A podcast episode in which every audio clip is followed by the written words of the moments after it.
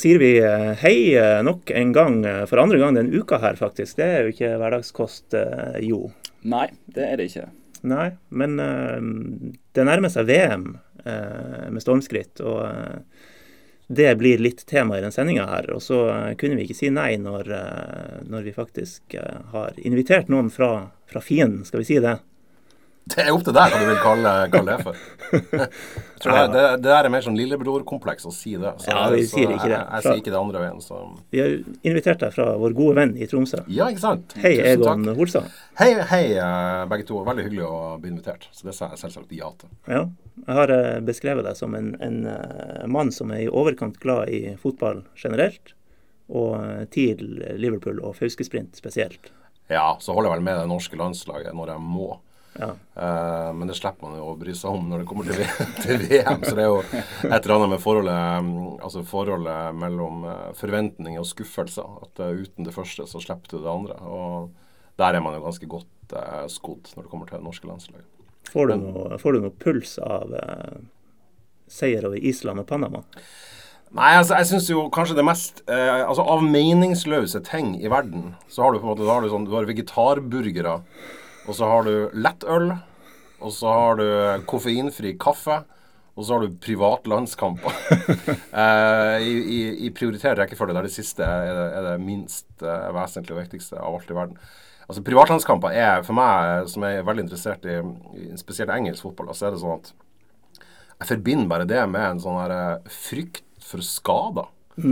Eh, og om Norge slår noen i en privatlandskamp i dag, så er ikke det noe viktig. Altså Før så var det selvfølgelig det å slå en stornasjon, sånn Argentina eller noe sånt, i en, i en vennskapskamp, eh, som det het den gangen, det, det var jo stort. Eh, men etter man fikk en liten sånn her eh, en liten sånn hump av popularitet og bra fotball på 90-tallet, så og tidlig 2000-tall med liksom del- deltakelse i to VM på rad og et EM, og sånn, så ble de privatlandskampene plutselig jævlig mye mindre eh, vesentlig, syns jeg. Og, og, og i dag så kjenner jeg jo liksom at ja, pulsen, i, den, I den grad pulsen stiger, så er det i, i sånn frykt og raseri hvis det skulle oppda, opp, oppstå en, en skade på en spiller eh, altså som spiller på et lag jeg holder med. Men at Norge slår Island eh, i en eh, privatlandskamp før et VM vi ikke er med i, det har du faen ikke lov å bli opphissa av. da har du seksuelle preferanser som er på et annet sted enn det jeg tenker på. Ja, det er jo to VM-land vi har slått nå, men eh, Slått tre. Australia, Panama og Island. Australia De tre ja, dårligste. Ja, De, ja, de, de, de tre lavest renka er det vel, bortsett fra Saudi-Arabia. Kan Iran, kanskje- kanskje. Ja. Men det det Ja, men det er jo altså Tross alt. Det, vi har jo Vi, hvis vi sier det, vi er, vi er jo norsk eh, og bor i Norge. Um, det at vi vinner tre kamper, det er bra for rankinga og sånn også. Så Ja. Drillo var jo veldig god på det der å, å spille privatlandskamper mot dårlige lag for å, for å klatre på, på Fifa-rankinga. Han var smart. Mens, eh, mens um, Høgmo Ha- Ha- Hareid og Høgmo de tenkte helt motsatt, og det gikk jo deretter også. Ja. Sånn, eh, ta- Tapper masse kamper i stedet. Det er, det er artigere å vinne mot dårlige lag enn å tape mot gode lag.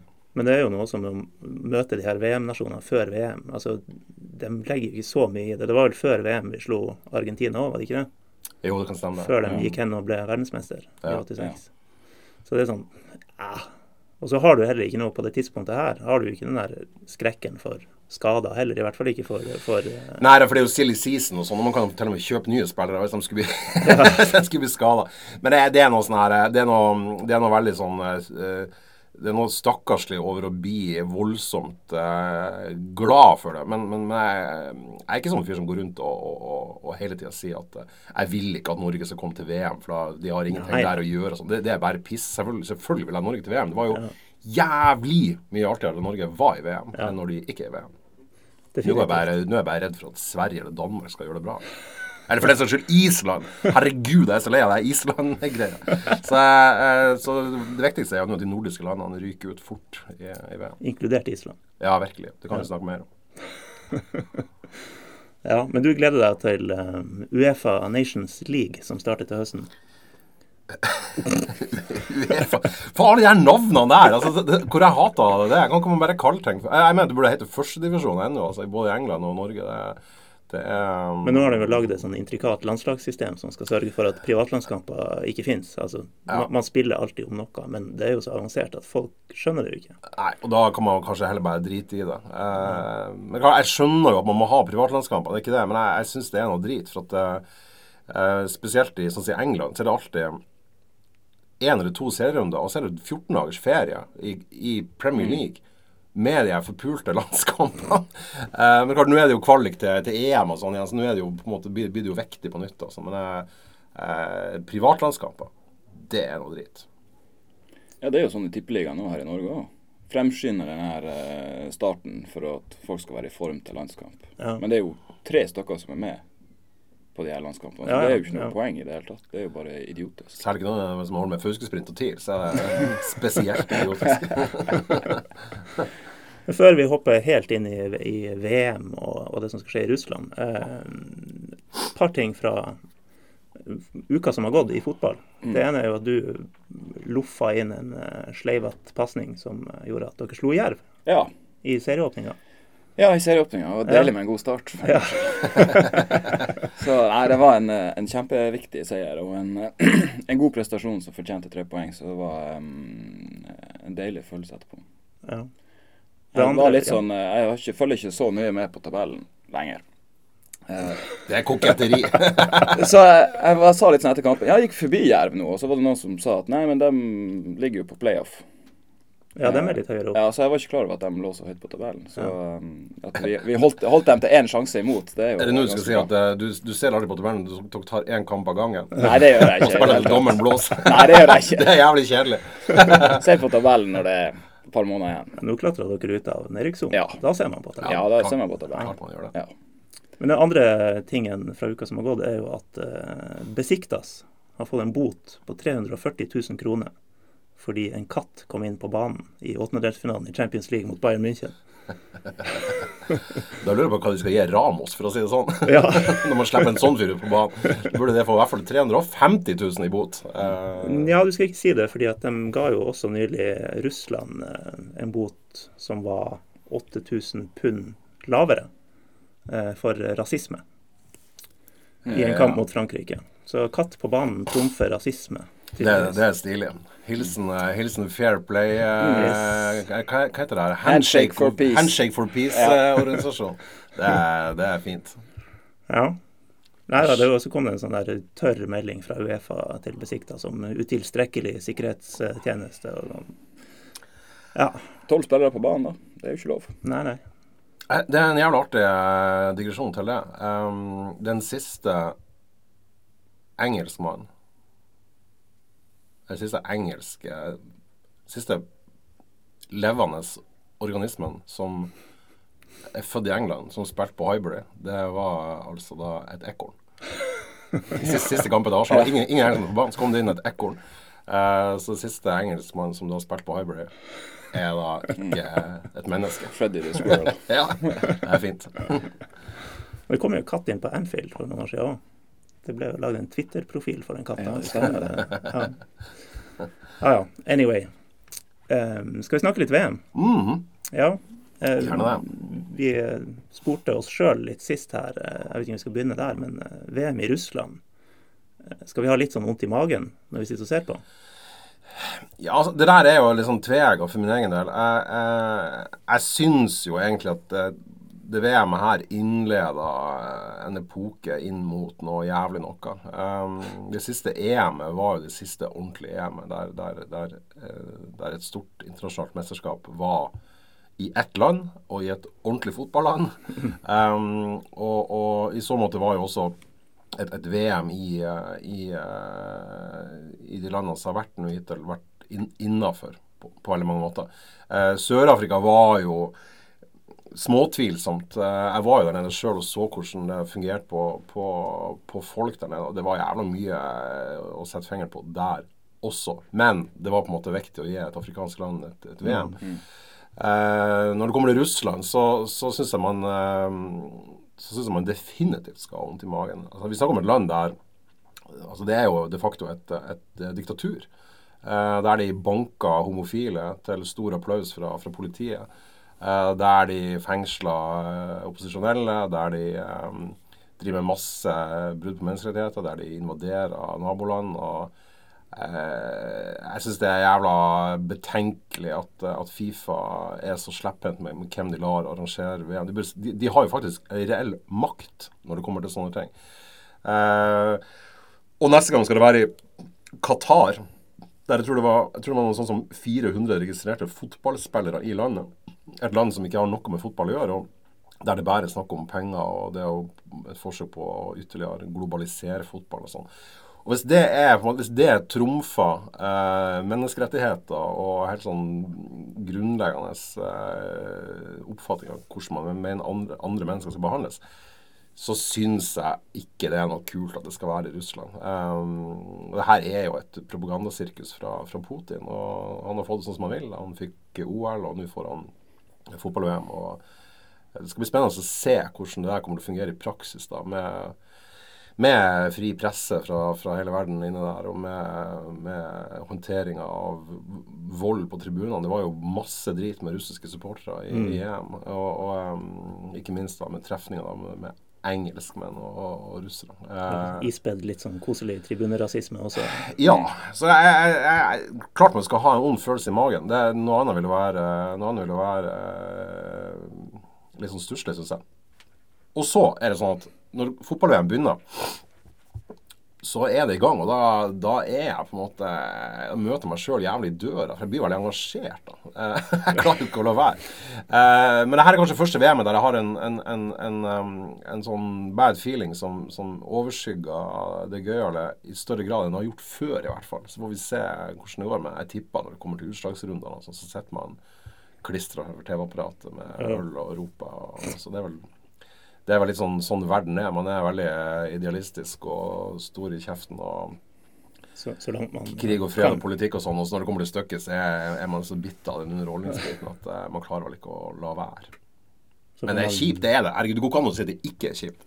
Nei, nei. Så får man kanskje kjenne enda mer på de, de kvalene der om fire år i Qatar. Nei, Qatar-greier skjønner jeg skjønner fortsatt ikke at de ikke går tilbake på dem. Altså, en, ting er nå at, uh, at det ble tildelt via masse korrupsjon og bestikkelser og sånt som er avdekt. Altså fakta mm. avdekt. Um, så de hadde jo en mulighet der da, til å bare gripe inn og si at nei, vi, vi, vi kan ikke ha det der. Noe annet er jo hvordan, eh, hvordan, hele, hvordan hele landet der uh, er så gjennomkorrupt og jævlig. Uh, det, det, er forbudt å være homofil her. Uh, det er dødsstraff for å være homofil. Han Sepp Blatter, den forrige Fifa-sjefen sa jo at ja, man kan ikke de homofile bare la være å være homo eh, under VM når de er der. Og det er litt sånn Kjell Magne Bondevik eh, som i 1992 sa at eh, jeg har ikke noe mot homofile, men jeg må ikke praktisere det. Ja. Eh, så vi er der, da. Um, og, og, og, samme kan du si. I, i, altså, i, i Russland nå så har jo i stor grad mange av de her tribunanleggene blitt bygd av, eh, av nordkoreanske fremmedarbeidere mm. som ikke har fått lønn eh, som her har fått mat og, og, og begrensa sånn visum, og sendt rett tilbake til Nord-Korea, og der pengene de har tjent inn, har gått rett inn i atomprogrammet til Kim Jong-un. Så det er sånn det er jævla ustilig, da. Eh, Qatar har ikke HMS stått i høysetet Nei, i Qatar er akkurat samme greia. Veldig mye nordkoreanske eh, fremmedarbeidere. Veldig mye eh, brudd på menneskerettigheter. Um, The Garden har jo avdekket masse folk som har dødd under de her eh, mm. anleggsarbeidene. Så, så da blir hele greia litt sånn grelt, syns jeg. Eh, og jeg syns heller ikke man kan tillate seg å, og bare se mellom fingrene og tenke at the, the show must go on. Liksom. Det er, og det er ikke snakk om Grand Prix eller noe sånt heller. Det er snakk om verdens største arrangement. Mm. Uansett sjanger. Ja, og Qatar-VM skal jo spilles i november. Blir det i november? Ja, det er, jo det er bestemt. Det er bestemt. Sånt, hva er det? Ja, Det er jo helt idiotisk, selvfølgelig. Skal alle ligaene, de største ligaene bare ta pause igjen? Nå? Det er jo da får Norge spille ferdig serien, og så tar vi cupfinalen etter VM.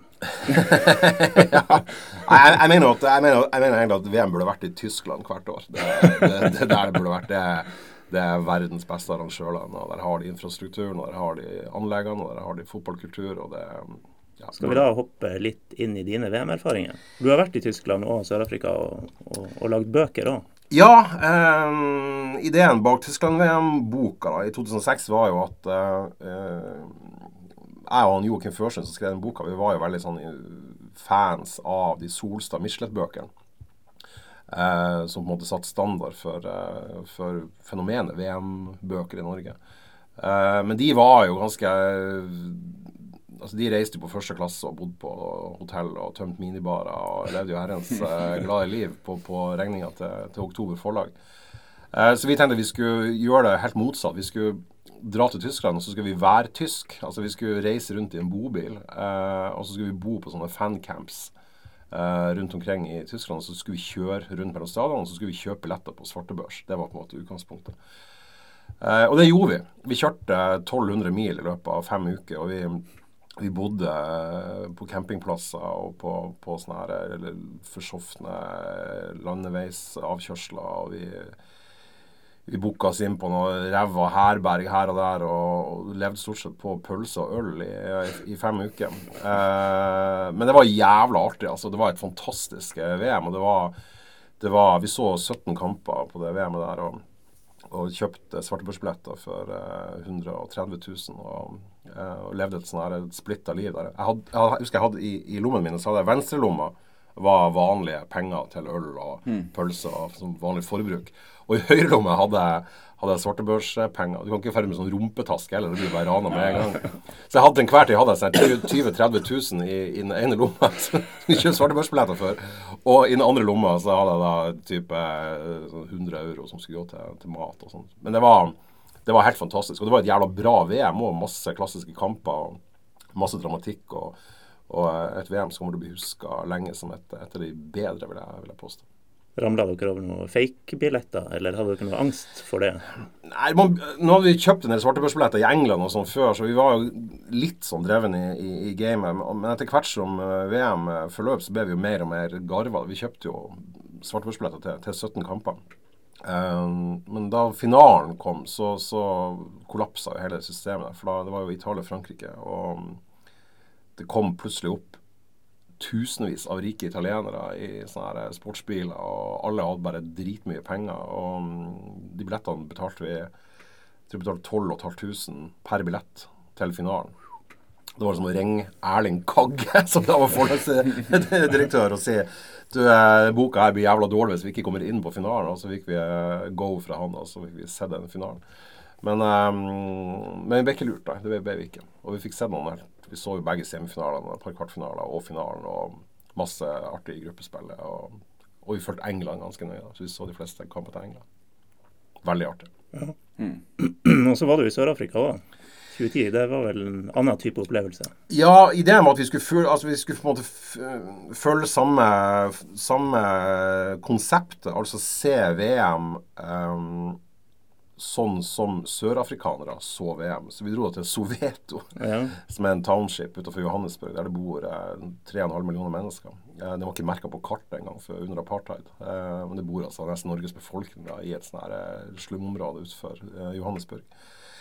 Um, og vi bodde vi bodde privat hos uh, fire sånne gangstere i tidlig 20-årene. Uh, faren var satt i fengsel for drap, og, de hadde hele huset. Det var sånne knuste vinduer og gitter. Og, uh, og hva hang da lag med de folkene. Jeg, jeg, så da, jeg så da tre hvite personer i den perioden her i, i Soweto. Og det var da Joakim som var i lag med, og så var det to fra TV 2 som kom inn og laga et innslag på, på, på, oss.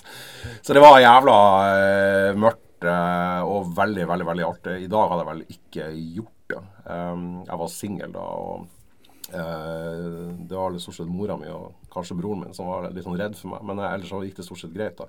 Men det var, det var et veldig uklokt sånn sikkerhetsmessig prosjekt. Men, og det var jo sånn, Vi møtte jo journalister fra store engelske og tyske aviser som var helt sånn fascinert over ideen. Men de hadde aldri kommet til å gjort det sjøl, for de torde ikke. Ja. Da de kom inn i Sovjetet, så kom de jo med livvakter og sånne ting. Med, altså bevæpna livvakter. Men det gjorde ikke vi. Vi bare drakk enorme mengder øl og var med dem. Og så tror jeg det var litt sånn herre det at vi var Spesielt jeg, da. Jeg er jo høy og blond og blå øyne. og sånn, det, Jeg bare gikk inn i Soveto. Var, det var et ganske sånn slitent område av Soveto òg eh, tror jeg gjorde at folk syntes det var så ko-ko at de på en måte respekterte sånn, ok, han, der, han er sikkert så gæren at vi lar han være i fred. Jeg vet ikke om det var noen sånn mekanisme som kicka inn. Eh, og da så vi primært kampene på, på eh, sånne storskjermer som de var og stjal og drev med sånn dieselaggregat og sånn. og og drakk øl med dem. Eh, fancampen i Soveto den, eh, den, ble jo lagt ned etter første kampen eh, pga. at eh, folk bare kom inn og stjal alt teknisk utstyr dagen før. Og så mm. var det et par drap der, og sånn, så det ble, ikke,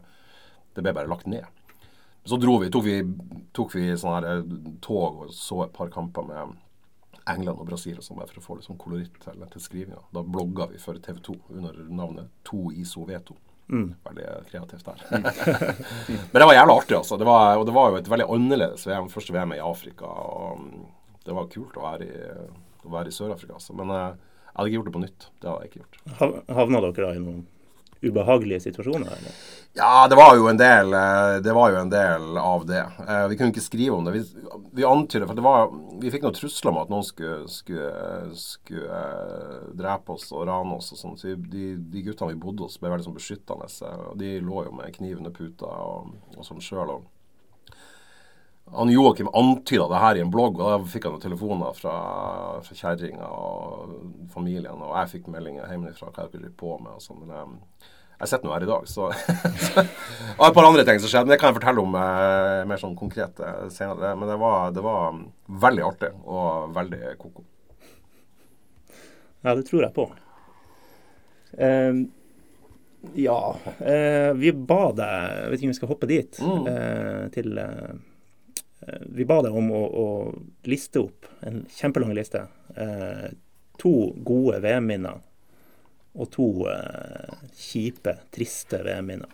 Ja, da har jeg jo Jeg tenkte at må, jeg må ta da to eh, Altså ta, ta, minner fra innsida av VM-et. Eh, man kunne jo selvfølgelig snakke om det fæle minnet. Så kunne man snakke om Frankrike-Vest-Tyskland, semifinalen i 1982, som, som jeg fortsatt er traumatisert av. Batistå og Schumacher? Ja, helt, helt forferdelig. Eneste kampen jeg noensinne har holdt med Frankrike, det gikk det til helvete. Um, Uh, men, men, men, det er jo veldig sånn allmennkjent, så det er heller bare å ta noen minner da, fra, fra innsida av et selvopplevd VM.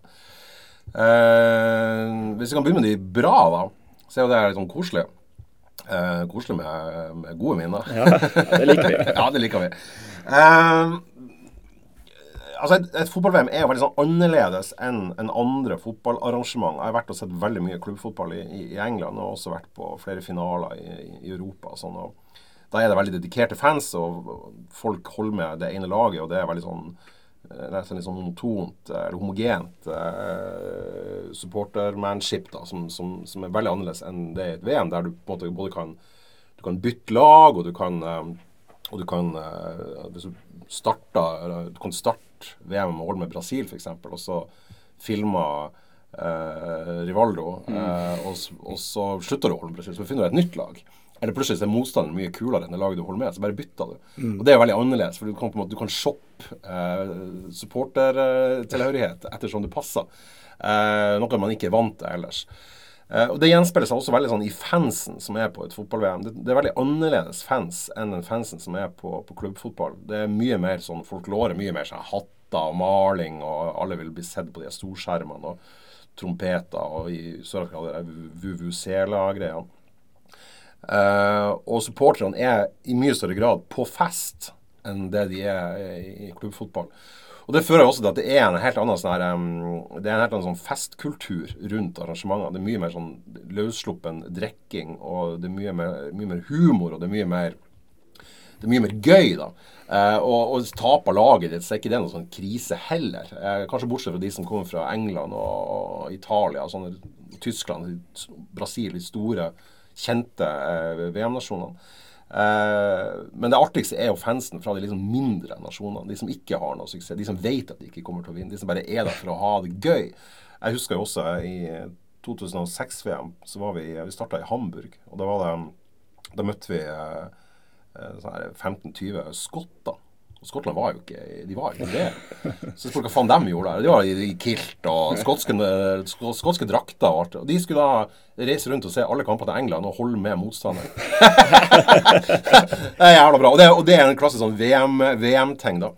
Eh, men jeg husker vi var i, vi var i München. Eh, og Jeg husker ikke hvilken kamp det var vi skulle se. Men jo, det var, det var Australia. Brasil var det. De spilte på, på, uh, på hovedarenaen der. Uh, Allianz Arena. Allianz Arena. Og så var vi nede i, nede i München. München er en fantastisk by. Det ligger jo liksom i, i Bayern-området og er jo, er jo, skikkelig altså Du får det ikke så jævla mye mer tysk enn det er i, i München. Det er en veldig pompøs by. Svære, digre bygninger. og liksom det, det tyskeste av det tyske.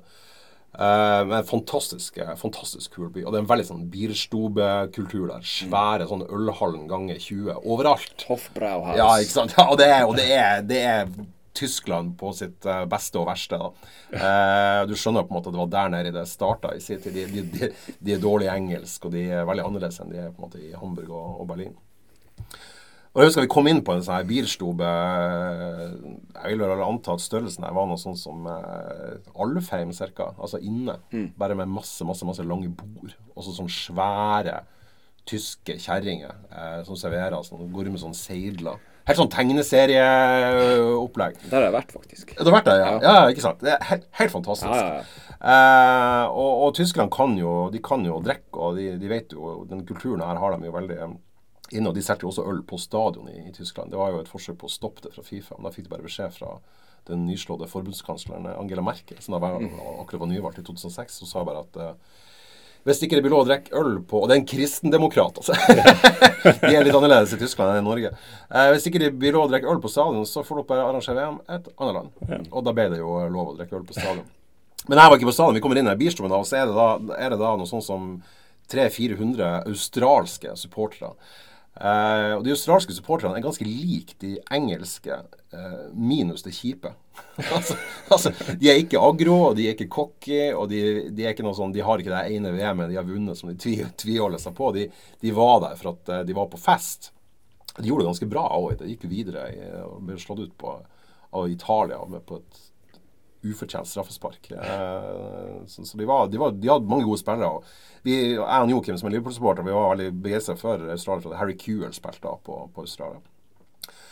Og Her kommer vi da inn på denne bilshowet. det er da mange hundre um, australske supportere. Og eh, i fylla så skjer det ofte sånn uplanlagte ting. Og så er det da en, en australier som kommer fra, fra, fra toalettet, og så har han så har han hendene full av, eh, av sånne mugger med, med, øl. Og så er det et langbord der som er sånn 30 meter langt. eller noe sånt. Så sprenger han oppå det bordet. Eh, altså han har oppå selve bordet, mens de andre sitter på de benkene langs, eh, langs bordene. Og så tømmer han ølet på bordene mens han sprenger, og roper noe sånt 'Australia, Australia, Australia'. og så eh, Grei mate. Ja, det var helt, helt, helt tegneserieopplegg. Og så eh, da han har kommet på enden av bordet, så setter han fra seg de muggene, og da, er det da, da flyter jo øl langs hele det glatte bordet. Uh, og fyren her er noe, jeg vil gjette sånn 120 kilo. Uh, 1,90 høy. En gigant av et menneske.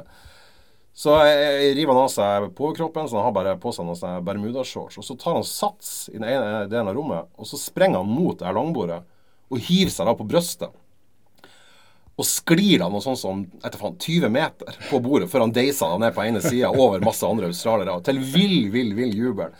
Og så begynner det en sånn massesuggesjon. Så begynner bare folk å tømme, bo, tømme øl på de bordene. Og de her tyske kjerringene de som er på jobb, sånn, de som bare flirer. For det var, det var, liksom, det var ikke noe ondsinna, det var ikke noe bråk. Og så begynner da å ha konkurranse. Hvem som klarer å skli lengst på det her bordet. Helt til da, det her, Og det her varer i type halvtime. Helt til en fyr da klarer å, å skli på magen i bar, bar overkropp da, langs hele bordet og deisa da inn i bardisken i andre enden. Til vill, vill, vill jubel. Og da, og da kom det noen sånne her, eh, sanger lagd med en gang. Sånn vi, vi slår kanskje ikke Brasil, men vi, vi, vi vant eh, festen og sånn. Og det er jo for meg en sånn her, Det er for meg en sånn her eh, nesten en sånn metafor på den perfekte VM-festen. Det er litt sånn løsslupne, men samtidig uskyldige moroa som da skjer rundt et, et fotball-VM. Det, det hadde neppe skjedd på en klubbkamp mellom eh, Rosenborg og TIL, f.eks. På Ølhallen. For det første så hadde jo alle blitt kasta ut, for det andre så hadde jo alle frosset i hjel. og for det tredje så, så, hadde ikke folk funnet på det, for at den denne uh, fantasien er ikke der. Vi får, vi får, se på mandag. Vi får se, vi får se. Spille det inn her. Men et veldig, et veldig fint, eh, et veldig fint VM-minne som jeg syns um, uh, sier alt om hvor, hvor, artig det faktisk kan være å være på et, på et VM. Men, men herregud, Tyskland. Det skulle vært VM i Tyskland bestandig. Du bare Fifa blir enig om at Tyskland er VM-nasjon, der er det VM, og sånn skal det være. Kunne man kanskje ha det i Sør-Amerika hvert, hvert fjerde VM eller noe sånt. Eine brannfakkel! Og så en til. ja, Uh, Hyggelig.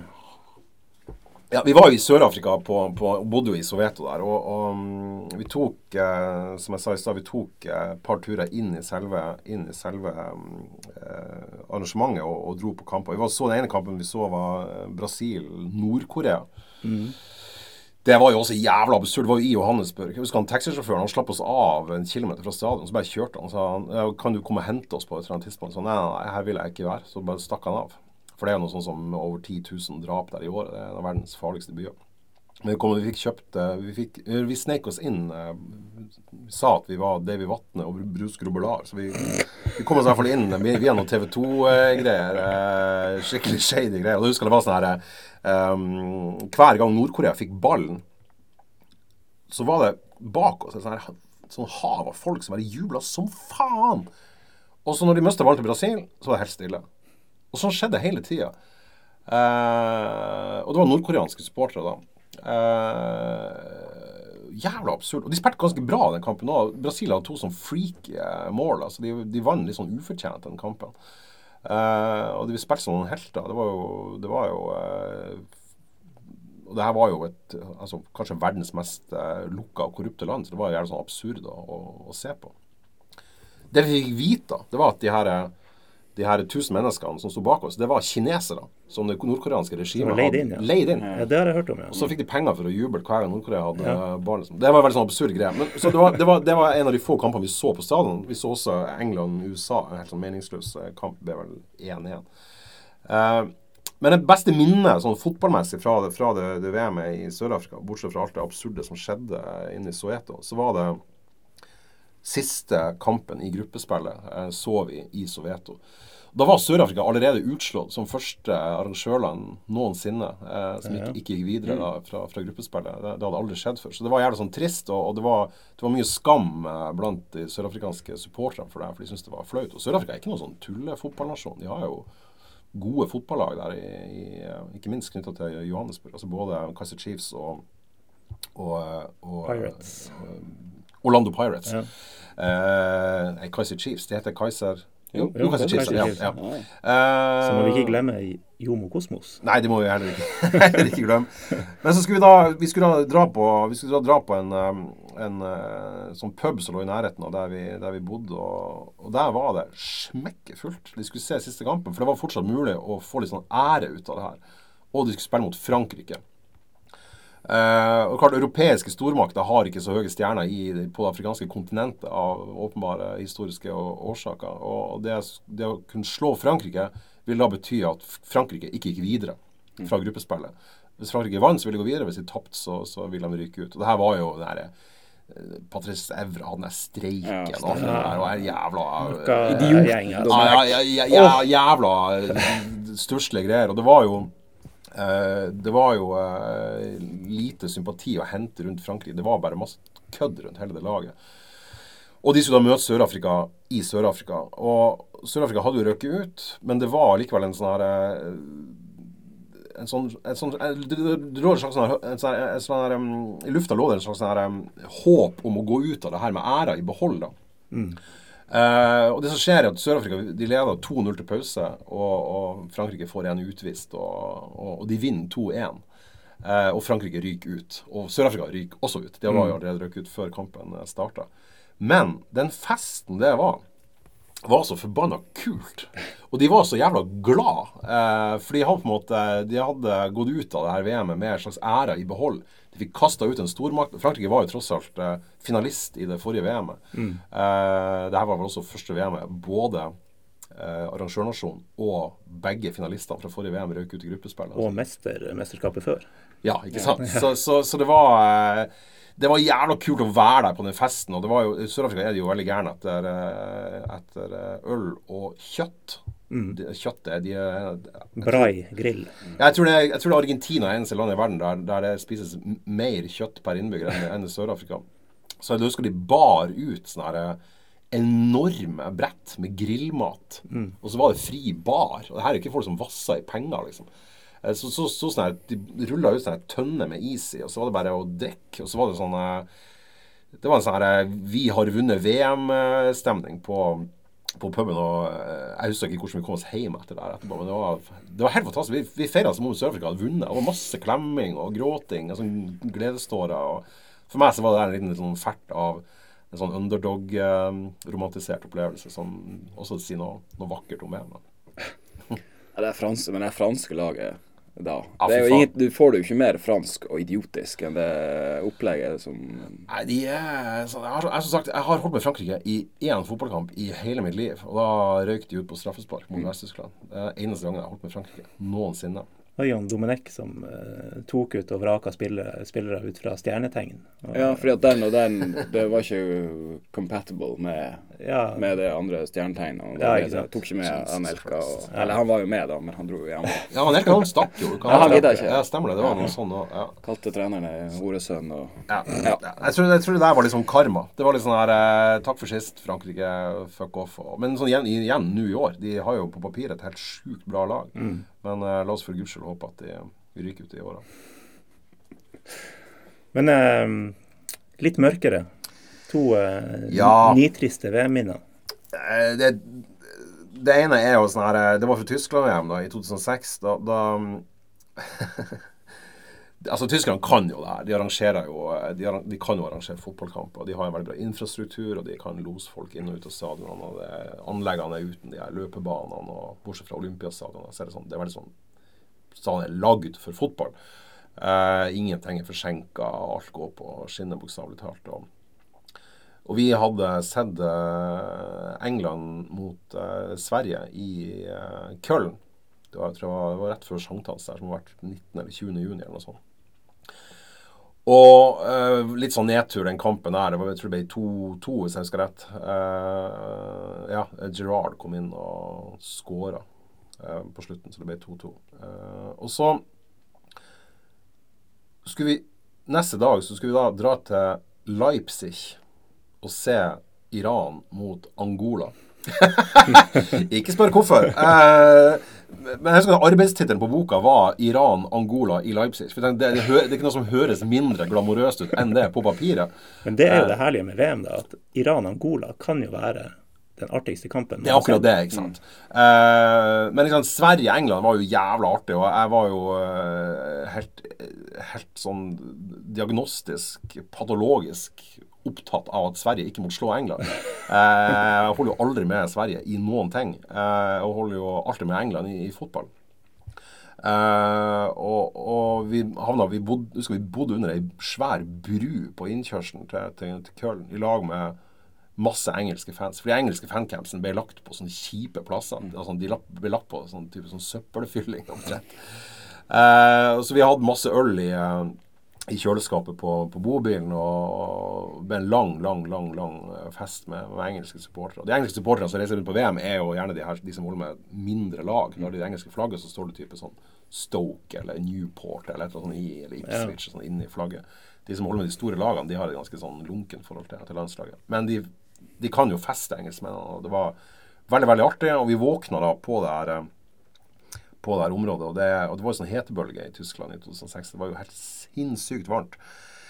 Eh, og skjønte at eh, vi kom til å slite med å rekke denne kampen i Leipzig. Og Leipzig ligger ca. 500 km rett øst fra, fra Köln. Og vi måtte kjøre dit med, med bobil. Vi hadde en sånn Volkswagen California, det er sånn bobil som den har ikke sånn hatt på taket, sånn som de, er, de som kjører på veien hos oss. Eh, men har en sånn, du kan heve taket og senke taket, så det blir sånn ekstra sengeplass oppå der. Men du får ganske bra fart på de bilene. Så toppfarta var sånn 190 km i timen.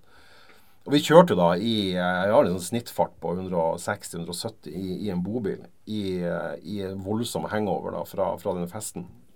Uh, jeg hadde noen sånn migrenegreier og det var ganske ille. Og, og, og kjørte som faen for å nå det her, eh, det her kampen. Det, og Leipzig var jo den eneste stadion i, i, i, i Tyskland-VM som var i, i det tidligere Øst-Tyskland. Og vi kom inn der, og vi merket, du, merka, merka veldig at du kommer inn i Øst-Tyskland. Altså, ting blir annerledes. Er bygnings... eh, altså Arkitekturen ser annerledes ut. Og, og, vi, og vi kommer da til stadion eh, type ett kvarter før kampen begynner. Eh, og hadde fått kjøpt billetter eh, noen dager før i, inne i, uh, i Köln. Eh, fant ikke parkeringsplass. altså vi parkert ulovlig inn i en hage um, under noen trær. Uh, og, og, og, måtte sprenge siste stykket til, til, til stadion. Nå er ikke jeg jævlig godt trent i utgangspunktet, og på den tida her så røykte jeg helt sinnssykt mye sigaretter. Så da vi kom inn på stadion, så var jeg så dehydrert. Og, og var på pølse og øldiett. Ja, og øl og pølsediett. så da vi kom inn på stadion, så var jeg, jeg var så gjennomsvett og så sliten av dagen før, og, og måtte bare få i oss noe øl. Og jeg husker han Joakim fikk tak i to Snickers. Så det beste jeg spiste i hele mitt liv. Eh, og vi satte oss ned da og så denne kampen, som er kanskje den minst betydningsfulle kampen i VM-historien. Eh, det som var spesielt med Tyskland, var at det var i over 90% av kampene så var det fullt belegg på tribunene. Altså da, hvor det var utsolgt. Og så var det sånn at veldig mange av de plassene som var utsolgt, de var utsolgt til type Burger King, Mastercard, altså de, de store sponsorene av, av VM-et. Uh, så da kampen var over, så sto det sånn 'sold out' uh, på sånn digre sånn lystavle. Men du så jo at det var masse masse, masse tusen tomme plasser der. Det det dummeste svartebørsbilletten jeg kjøpte i hele mitt liv. Uh, for du kunne bare gått rett inn på sånn og kjøpt billett i luka. Men det som skjedde, var jo at Iran-Angola Det var sånn at Angola kunne i teorien gå videre hvis de vant. Og noen andre kamper skjedde at de, at noen andre kamper skjedde i, i gruppespillet som gjorde at i dem, i deres retning kunne de gå videre, da, ja. i teorien. Um, og det som skjedde, var at det ble altså da uavgjort 1-1 og Eller 0-0, jeg husker ikke. Jeg tror det var 0-0. Uh, I hvert fall uavgjort. Og begge lagene røk ut. Og så var det en sånn greie på stadion at uh, da kampene var ferdige, så spilte de alltid den her Det er vel en Village People-låt. På en melodi av Go West. Ja, det var, sånn, det var noe tysklandsk greie. Ja, ja, Tyskland, de, de, kan mye, men musikk det, det kan de ikke. De har i hvert fall ikke kunnet det siden barokk, barokken eller noe sånt. De har jo hatt eh, digresjon der. De har jo hatt sånn her målmusikk. Spiller en låt når de skårer mål i Bundesliga. Bayer Leverkosen hadde da uh, 'Rocking All Over The World' med Status Quo. oh. ja, det, ja, det er Tyskland. ikke sant? De kan ikke musikk. Så da, da, altså, da hver kamp var ferdig, så, så spilte de denne um, Go West-melodien til, til, Village People, og, og, og teksten var Stand up for the champions, stand up for the champions, stand up for the champions, stand up for the champions. Og når da eh, i, Den salen her tok for noe sånt som eh, 60 000, og jeg tror det var tallene i etterkant ble, var målt til 38 000. Så det står altså da 38 000 mennesker der de fleste være sånn sponsorfolk fra, fra, fra, Burger King, sikkert de som jobber på Burger King i Leipzig, og som dreit egentlig i begge lagene. Eh, og så, for, så, er da kampen ferdig. Begge lagene har røket ut. Ingen, er, ingen, fra Angola eller Iran var jo på stadion, selvfølgelig. Eh, ingen har vunnet. Eh, kampen er ikke utsolgt. Begge lagene har røket ut. Vi er in the middle of fuckings nowhere i, uh, i Leipzig. Og, og anlegget spiller Village People coverversjon der de synger 'Stand up for the champions'.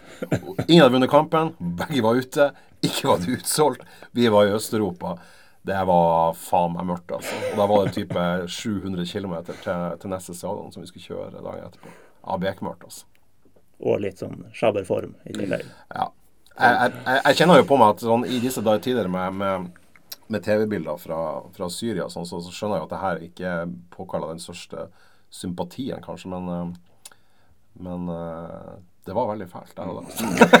jeg lover. Jeg lover. Det var veldig, veldig fælt. Punkt to, blir det mørkere?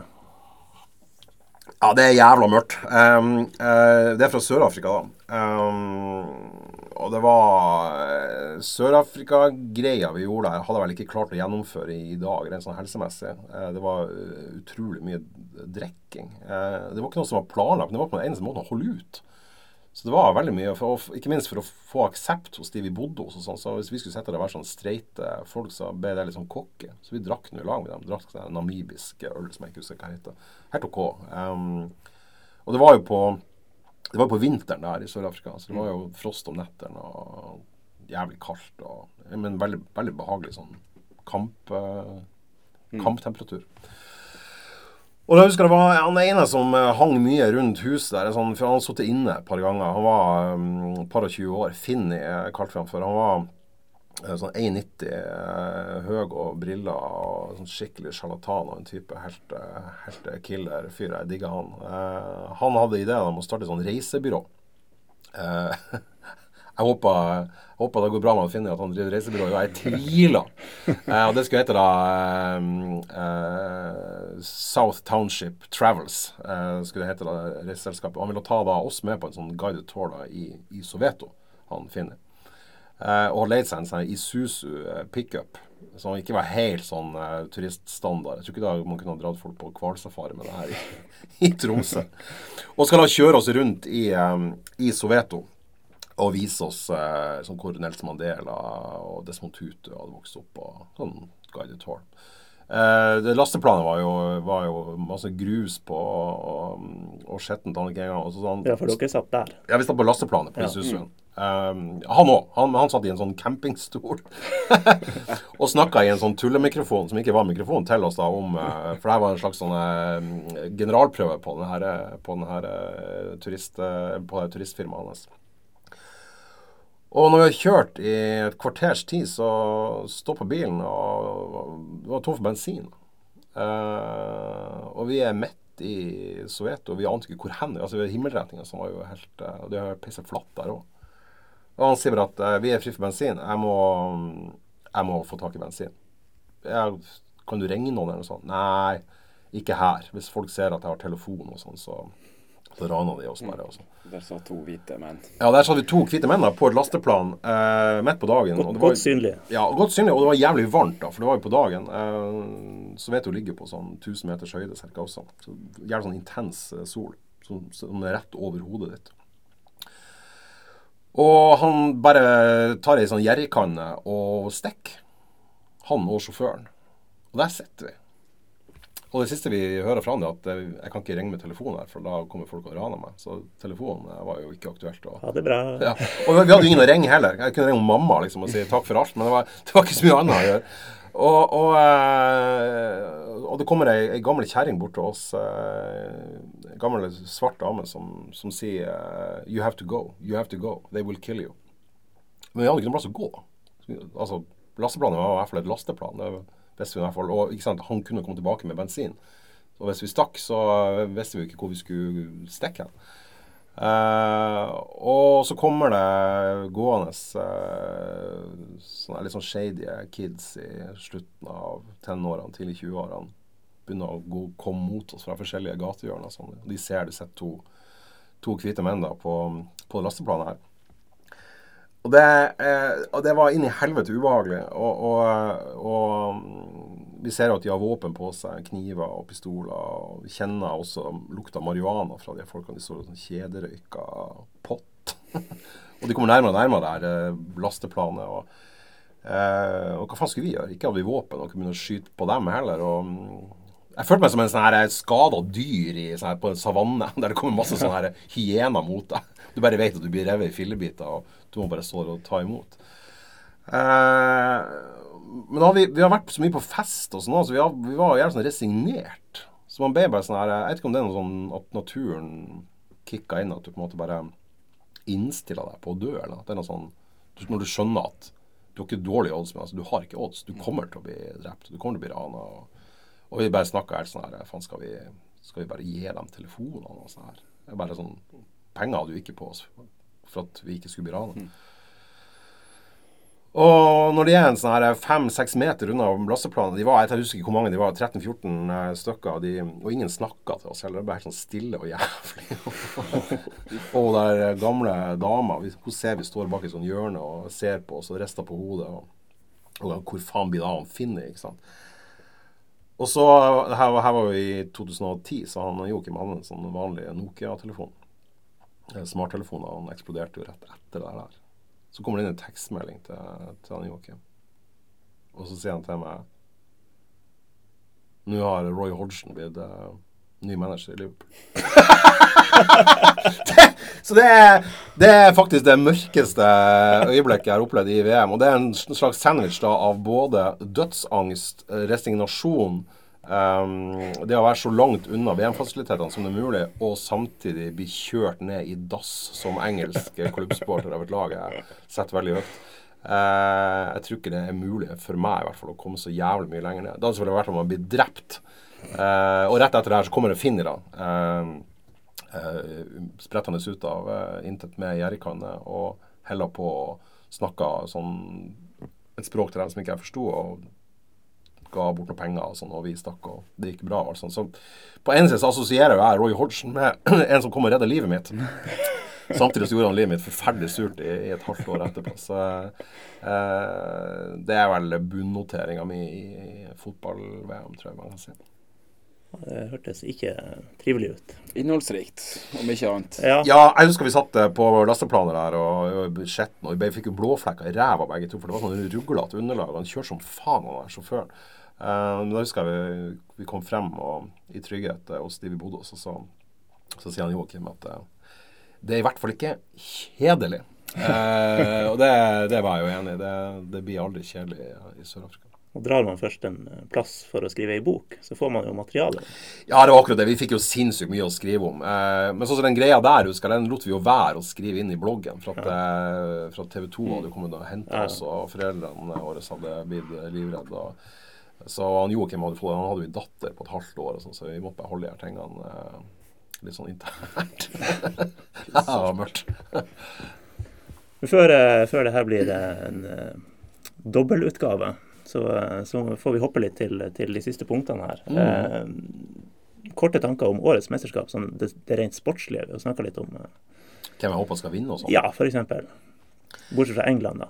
Ja, altså, Jeg håper jo alltid at England skal vinne. Eh, og Grunnen til at jeg gjør det, ikke for at jeg er så jævla fan av det engelske fotballandslaget som sådan. Jeg er ikke noe fan av treneren deres. Jeg er, ikke noe, jeg er egentlig ikke noe fan av engelske fansene heller. Men uh, det er en slags sånn Når du har holdt med um, engelske klubblag hele livet ditt, og jeg er jo 46 år ser jeg sånn, det ligger en slags, sånn en slags ønske om en anerkjennelse av den fotballen man er opptatt av. da. Så når Spania vinner VM, så kan alle si 'se hvor bra spansk fotball er'. Det er den som er best.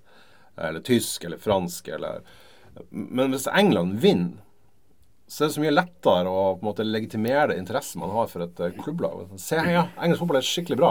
Så Det er mer en anerkjennelse. altså Det er mer en sånn egoistisk, individuell greie som ligger i bunnen til at jeg håper England skal vinne. Men jeg sitter jo ikke og liksom er, er helt sånn krakilsk uh, sånn, sånn lidenskapelig glad i England. Uh, for det er jeg jo ikke. men jeg håper alltid at de skal, skal vinne, da. Men da har vi vel slått fast at det gjør de ikke. For du, du sa jo til meg at uh, sist gang ditt lag vant et mesterskap, var vel Nederland i 88? Ja, i et EM, ja. ja. Et VM har aldri endt sånn som jeg ville. I 86 vant Argentina, men, men, det var jo etter de slo ut England. Ja. På da, omdiskutert vis, skal vi si det. Det kan man si. Men jeg, jeg var òg veldig fan av Maradona, så da ble jeg fanga i en slags sånn selvmotsigende ja. Um, så det, jeg, har jo, jeg har jo holdt med Jeg har jo håpa av og til at vinneren skulle vinne i, i, en finale. Altså det har skjedd. Men da, da har det vært pga. at eh, Sånn som i, i, i, 1982 så holdt jeg med Italia i finalen. Men det var at jeg holdt mot Vest-Tyskland. Jeg hater jo Italia. Så, så, sånn sett har det gått min vei. Men aldri fra starten av at det laget jeg holder med, går hele veien og, og, og vinner. Så skulle jeg håpe et lag som skulle vinne i år, um, som hadde vært kult, så hadde det vært uh, Egypt. Ja. Uh, for det første så har jo aldri et afrikansk lag vunnet, vunnet VM. For det andre så spiller en, en, deres mest profilerte spiller på den klubben jeg holder med i England. Uh, sånn, han er ganske flink, han. Ja, han er ganske flink. Ja. Bortsett fra når folk prøver å, å ødelegge den. Uh, så det, det, det, tror jeg har vært jævla artig, da. Uh, selv om jeg, jeg, har ikke noe sånn her jeg, jeg, er ikke sånn som holder med underdogs for å holde med underdogs. Jeg, jeg er ikke noe opptatt av at lag fra Afrika skal vinne som sådan. Men det her tror jeg er et kult lag, og jeg tror det, vært, ville vært jævla artig om de vant vann VM. Og de ville jo være i stand til det også. Um, men jeg tippa jo at det blir jo selvsagt en av de store. Nå er ikke Italia med, da. Det er jo litt, um, det er jo litt deilig. Slipp meg for den. Men det, det, viktigste for meg i VM er at, uh, at de nordiske lagene uh, ryker ut. Jeg ønsker ikke å møte masse hoverende dansker. Jeg ønsker ikke å mot, møte masse hoverende svensker. Og det er så jævla mye svensker i Norge òg, så man kommer aldri unna det. Mm. Tenk hvis Sverige skulle gå hen og vinne fotball-VM. Nei, det gjør ikke det. Ja, men liksom, I 1994 så kom de jo faen meg til semi igjen. Liksom. Ja, ja, det var helt, ja, det var helt forferdelig. Um, og så har du da det her med Island, som er sånn uh, alle skal holde med Island. Jeg husker jeg holdt faen på å bli fette gæren under EM. Folk bytta navn på Facebook, og alle hadde islandske flagg. Og det var liksom ikke, alle snakka sånn tulleislandsk. Og Facebook var liksom all over om, om det med sånn herre ja, i dag skal jeg heiur på islandur og drikkur øllur og Faen, jeg var så lei av det. Det var så inn i helvete kjedelig. Så Island-feberen må jeg bare få slutt på. Altså, sånn, uh, og det eneste måten å få slutt på det på, er at de blir utslått. Uh, beklageligvis for de som er fra Island og er genuint opptatt av Island. Men å liksom skulle late som at jeg bryr meg om Island, er bare tull. Det synes, de kommer jo ikke til å vinne heller. Så det blir bare å heie mer på et lag som kommer til å ryke ut. Så det mulige arvtakeren her blir Peru, som seiler opp som det nye hipsterlaget som alle skal eh, holde med. Ja, jeg har jo en softspot for landet, da. Men, ja. men, eh, men, eh, jeg har ikke noe forhold til det der, til det der landslaget deres heller. Og jeg, jeg, jeg, jeg det, det, det, kanskje det som er problemet. Det sier kanskje litt om det litt sånn misantropiske uh, sjelegrunnlaget mitt. er at jeg er mer opptatt av hvem som skal ryke ut i år. Så jeg vil ha ut Saudi-Arabia og Russland, altså, som da er åpningskampen. Begge de to vil jeg ha ut, for at det er to av de verste og mest korrupte landene jeg kjenner til. Uh, og jeg tror Russland bare har godt av å få seg en på nesen med at de ryker ut av gruppespillet. Uh, og Saudi-Arabia er nå Saudi-Arabia. Det er jo et forferdelig land på alle måter. Jeg ønsker ikke de skal få noe glorie over seg heller. Uh, så jeg håper de to skal ryke ut, og at de nordiske lagene skal ryke ut. Og Frankrike skal ryke ut. Og da har man fått skrella ned i hvert fall til noen og 20, 20 lag. Men, Frankrike er jo i gruppe med Peru, så jeg kan håpe på Nei, da må vi kanskje få Danmark videre for at Frankrike skal ryke. Så her har du et problem. Ja, men det er rart det med Danmark. Altså, jeg husker jo Da Danmark vant EM i 1992, så holdt jeg jo kjempe med Danmark. Det var jo ja. dritartig eh, at, de, at de vant og sånn. Eh, men da Norge kom til, til, til VM i 1998, så, så, var jeg på Roskildefestivalen. Da, da husker jeg Norge skulle møte Italia. Og så tapte de 1-0. Jævla døll kamp. Og Da satt jeg i lag med 10 000 mennesker og så kamp på sånn enorm storskjerm inne på Roskilde-området. Og danskene For det var jo noen dager etter vi hadde slått Brasil. liksom. Mm. Ja. Danskene de jubla altså så mye da Norge røk ut, at det var ut som de hadde vunnet ja, hele jævla VM. Ufint. Og det satt en sånn Da, da var det sånn Å ja, jeg trodde vi holdt med hverandre. Ja, ja. Og det var sånn Nei, dere har så mye olje, og dere er ikke med i EU, og dere er så gode på ski, og Så var det faen meg bare så jævla misunnelig. Så etter det der så jeg la Danmark for hat. Og jeg er ikke noe begeistra for Åge Hareide heller. Han har trent Molde og Rosenborg og kjørte det norske landslaget i dass. Så det er ingen ting der jeg, som er formildende. Og jeg er ikke noe fan av de spillerne heller. Du har jo en sånn du Anders er jo sånn Christian Eriksen-fan, sikkert. Jeg er litt glad i han, ja. Pga. Tottenham. Mm. Eh, det er jo ikke jeg. Så det er ingenting med Danmark jeg vil eh, som, jeg, som vekker noen slags sympati. Så jeg ønsker meg de ryker til helvete ut av VM. Ta Peru og Australia videre i den gruppa, da. Ja, det har vært kult, altså. Ja. ja. Ja, det har vært kult. her er deilig, for her har jeg besvart egentlig det eneste spørsmålet jeg gikk inn i denne podkasten med. For at i denne VM 2006-boka så skrives det jo en del om at dere sitter på stadion og, og, holder imot det ja. ene laget. Ja, det, det er viktig å holde mot. Ja, det syns jeg var jævlig artig. Så det var egentlig det jeg lurte mest på. Hvem holder du imot i det her VM? Ja. Ja, man holder jo imot de fleste, da. Ja, ja, det, jo, jo. Det, det, gjør man. Men det er det som er, det er, det som er greia her, at du, du, du ser kamper der du nødvendigvis ikke har noe stort forhold til, til noen. Og, de, og, veldig mange av de lagene som spiller i et VM, har jeg jo et, et antiforhold til. Mm. Men sånn som Peru, de har ikke noe følelser til. Men når de møter da, et lag jeg ikke liker, så vil jeg selvfølgelig at de skal slå de jeg ikke liker. Og det blir jo da å holde mot mer enn å holde med. Helt rett. Ja. Du åpna ei lita dør på gløtt her eh, for, å, for, å, spore bort fra VM. Champions League-finalen. Skal, skal, vi gå dit? Vi kan godt gå dit, altså. Eh, Bare, jeg, jeg, prøver å glemme det her, da, men det, det har jeg ikke sjanse til. Nei, det var jo faen meg et antiklimaks av en annen verden. Eh, Nå er ikke jeg en av de Liverpool-supporterne som har sittet og konspirert og, og, skrevet masse på sosiale medier. Om... nei, for den blir ikke helt ferdig med det der, altså. Nei, nei, nei. nei. Eh, og det, altså, pro problemet med, med, med supportere av lag som har en såpass størrelse som Liverpool og Manchester United, særlig de to, er at antall supportere eh, genererer jo selvfølgelig eh, Jo flere supportere det, jo flere idioter er det. Uh, du ser veldig lite teite QPR-fans i sosiale medier. Det er ikke for at QPR-fansen har en høyere intelligens, men for at det er færre av dem. Uh, og I Norge er det jævla mange Liverpool-supportere, og dermed også jævla mange idioter. Uh, og de er ofte veldig selvrettferdige, og de, de klarer ikke å se at motstanderlaget har vært bedre, f.eks. Og de er veldig sånn her Veldig sånn selvmedlidende og ynkelige, syns jeg. Jeg er ikke der, da. Eh, men det, det jeg syns var kjipt med den finalen, der var at jeg hadde jo reell, uh, reell tro på at vi skulle vinne den. Eh, Selv Tottenham hadde jo slått Real Madrid i Champions League. Ja, og det, og det Real Madrid-laget vi møtte, er ikke det beste Real Madrid-laget som har vært heller. Og, og det jeg tenkte var det at um, da vi gikk videre for gruppespillet, så tenkte jeg at det laget jeg minst vil vi skal møte nå, det er Manchester City. De tror jeg, de tror jeg er det sterkeste laget i, som er igjen i turneringa. Og de, vi slo dem ikke bare, vi, vi knuste dem ut av turneringa. Eh, og, og Roma var liksom bare en sånn transportetappe til, til finalen. Og jeg følte at vi var kraftig undervurdert av Real Madrid, som har vunnet to på rad før. og hadde reell eh, håp om at vi skulle slå dem. Og jeg tenkte vi kommer til å slippe inn mål, men vi kommer til å skåre flere enn dem. Og så når da Sala ble skada, så, så, så datt jo hele laget sammen. Og det er jo skrevet masse om allerede. Og så fikk du den derre eh, To sånne her koko keepertabber eh, og, alt det styret rundt Ramos og alt det. Så det ble en sånn eh, for meg ble det sånn antiklimaks. For jeg føler at vi aldri fikk Vi fikk aldri målt styrke, på en måte. da. Hadde vi tapt 2-1 eh, eller 3-1 eh, for at de var jævlig mye bedre enn oss i en fair fight, så hadde, så hadde det vært litt sånn lettere å svelge. Men det her ble en sånn Jeg føler at vi aldri fikk vist frem hvor god hvor god vi faktisk har vært i år. Og det det syns jeg var jævla døvt. Selv om det er historiebøker, så vil det alltid stå at vi tapte. Og hvorfor vi tapte, det driter jo absolutt alle andre Liverpool-supporterne oppi. Men eh, kraftig antiklimaks. Så nå vil jeg ikke snakke mer om det. Jeg syns det var en ganske fair oppsummering. Ja, helt enig. Liverpool var jo klart best til han Sala røyk ut. Ja. Og så skjedde det noe med, i hodene på Liverpool-spillerne, og sikkert også på Real Madrid-spillerne. som Så skjedde noe med hodet til Karius. òg.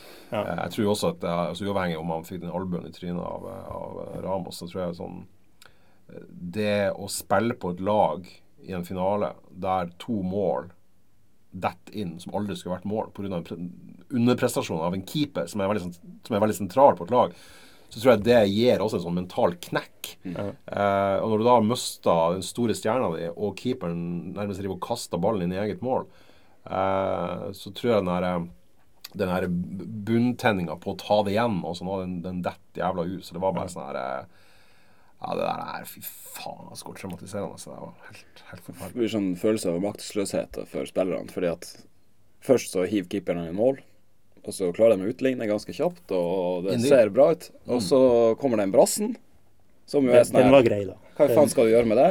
Ja, den var, den var grei, den. Ja, ja, men det er jo og sånn, spillerne på Liverpool gjør jo ikke noe galt i den situasjonen. nei, nei. Det er jo bare helt sj- sjukt gjort. Og så kommer den her keepertabben igjen. Så det er jo sånn her Ja, vi taper 3-1, men vi gjorde jo egentlig ingenting feil. Nei, det var akkurat det. Uh, vi skåra faen meg eh, i praksis flere mål enn dem også. så Nei, fy faen, det der var jævlig, altså. Uh, hvorfor i all verden begynte vi å snakke om det? Nei, nå kan vi stoppe. Ja, vi går videre. Helt ytterst kort, vi har noen kjappe spørsmål på tampen nå, men uh, TIL Rosenborg kommer på mandag. Mm. Tanker? Rosenborg er jo et, et av de få norske lagene som virkelig vekker følelser i meg. Jeg, jeg hater Rosenborg. Uh, deep from the cell of my heart. Um, jeg var i Trondheim i fjor på 16. mai.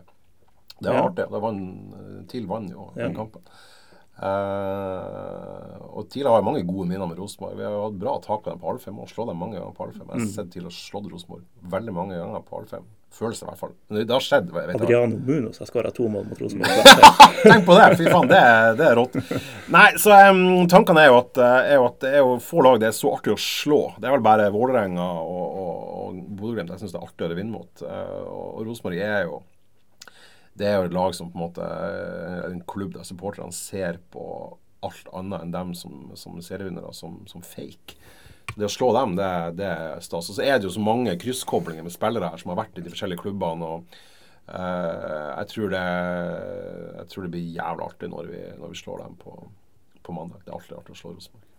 Det hadde vært så deilig å se Ja. det sutrete trynet til han Kåre Ingebrigtsen. Ja! Og Og gjerne, gjerne TIL får litt sånn dommergreier med Ja. seg. Altså. Det hadde vært jævlig deilig. si det. Jeg det, altså, det ideelle scenarioet er jo ikke å vinne 10-0.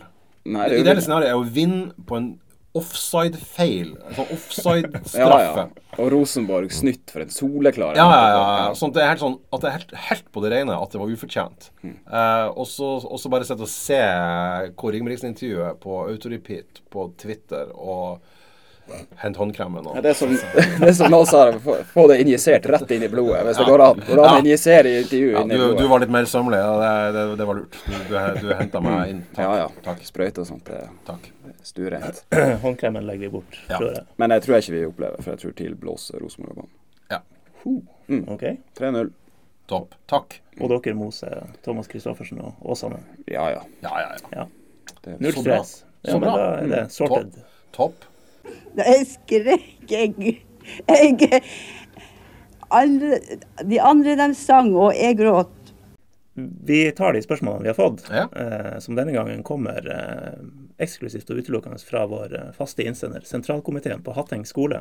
På Hatteng? Ja. Oh, det, er- det er inne i, uh, i Storfjorden, ikke det ikke Ja, det? se der. Ja, ja, Veldig bra. Ja.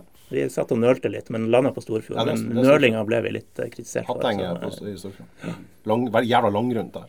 Ja, ene punktet i Lavkarittet, som går fra Hatteng til Skibotn. Eller, Det vet jeg jo alt om. Ja. Ja. Skibotn til Hatteng. Nå ble jeg i tvil igjen. OK. Um, tredelt. Første spørsmål, og det her blir litt sånn off the top of your head, da. Men uh, favorittspiller gjennom tidene i TIL?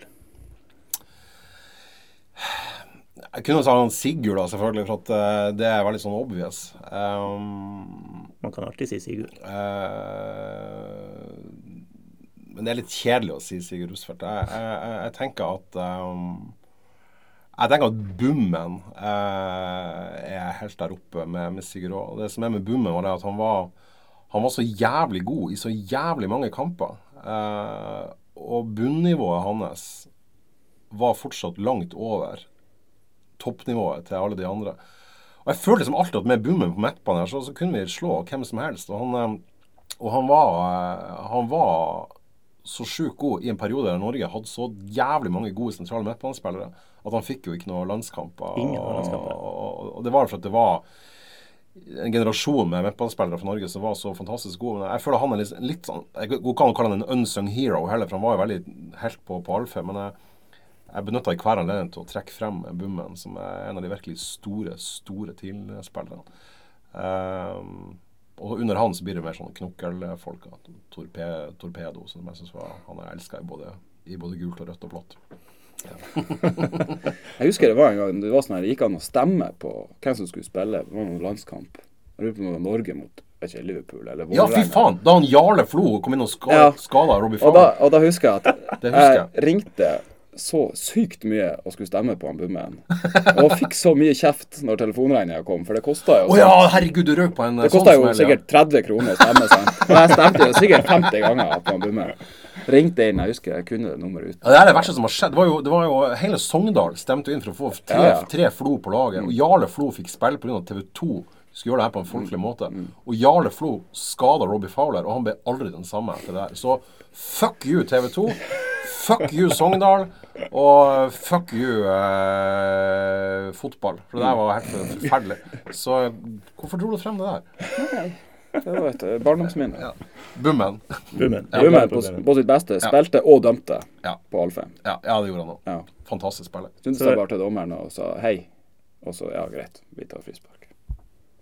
Et spørsmål jeg, jeg, Vi har egentlig ikke tid til et svar som jeg vet du sitter på, men uh, cupfinalen i 96 uh, beskriver følelser og minner. Kortversjonen er at det var på 25-årsdagen min, eh, så det var lett å plassere i tid. Uh, jeg så den på Blårock.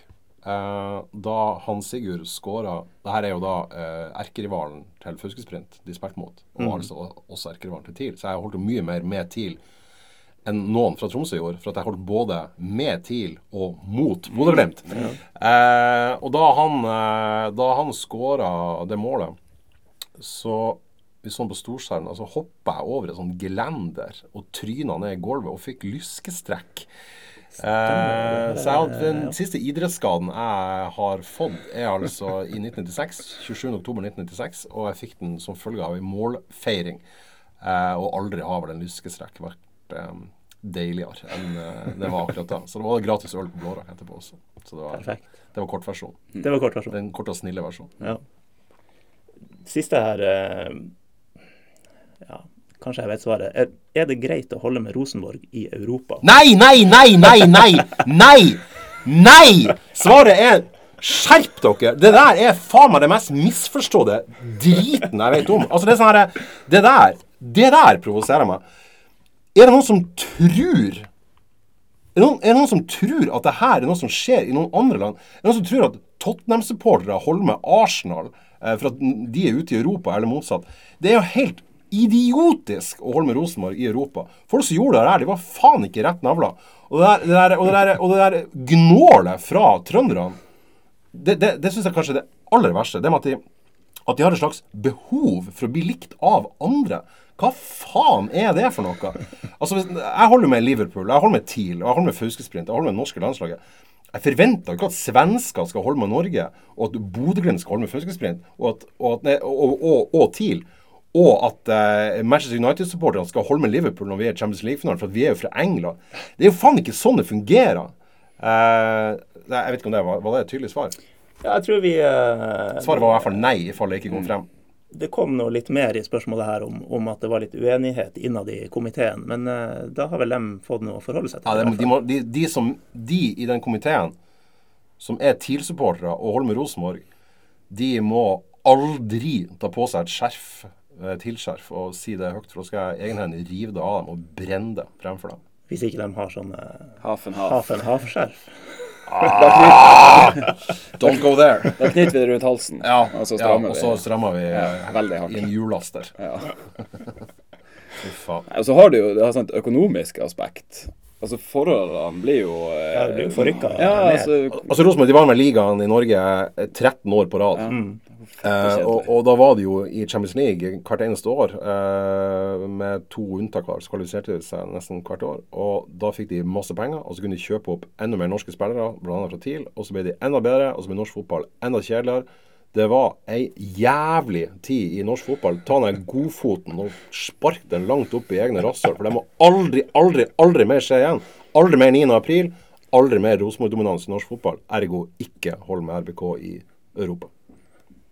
Det fikk vi vel et lite punktum. ja, vi klubber den igjennom. Klubber den ned og eh, sier uh, tusen takk til deg, Egon. Veldig hyggelig å være her. Og uh, se fotball, dra på stadion hvis man ikke klarer det. Se på nordlys.no, eller de kampene vi også deler med i tromsø.no.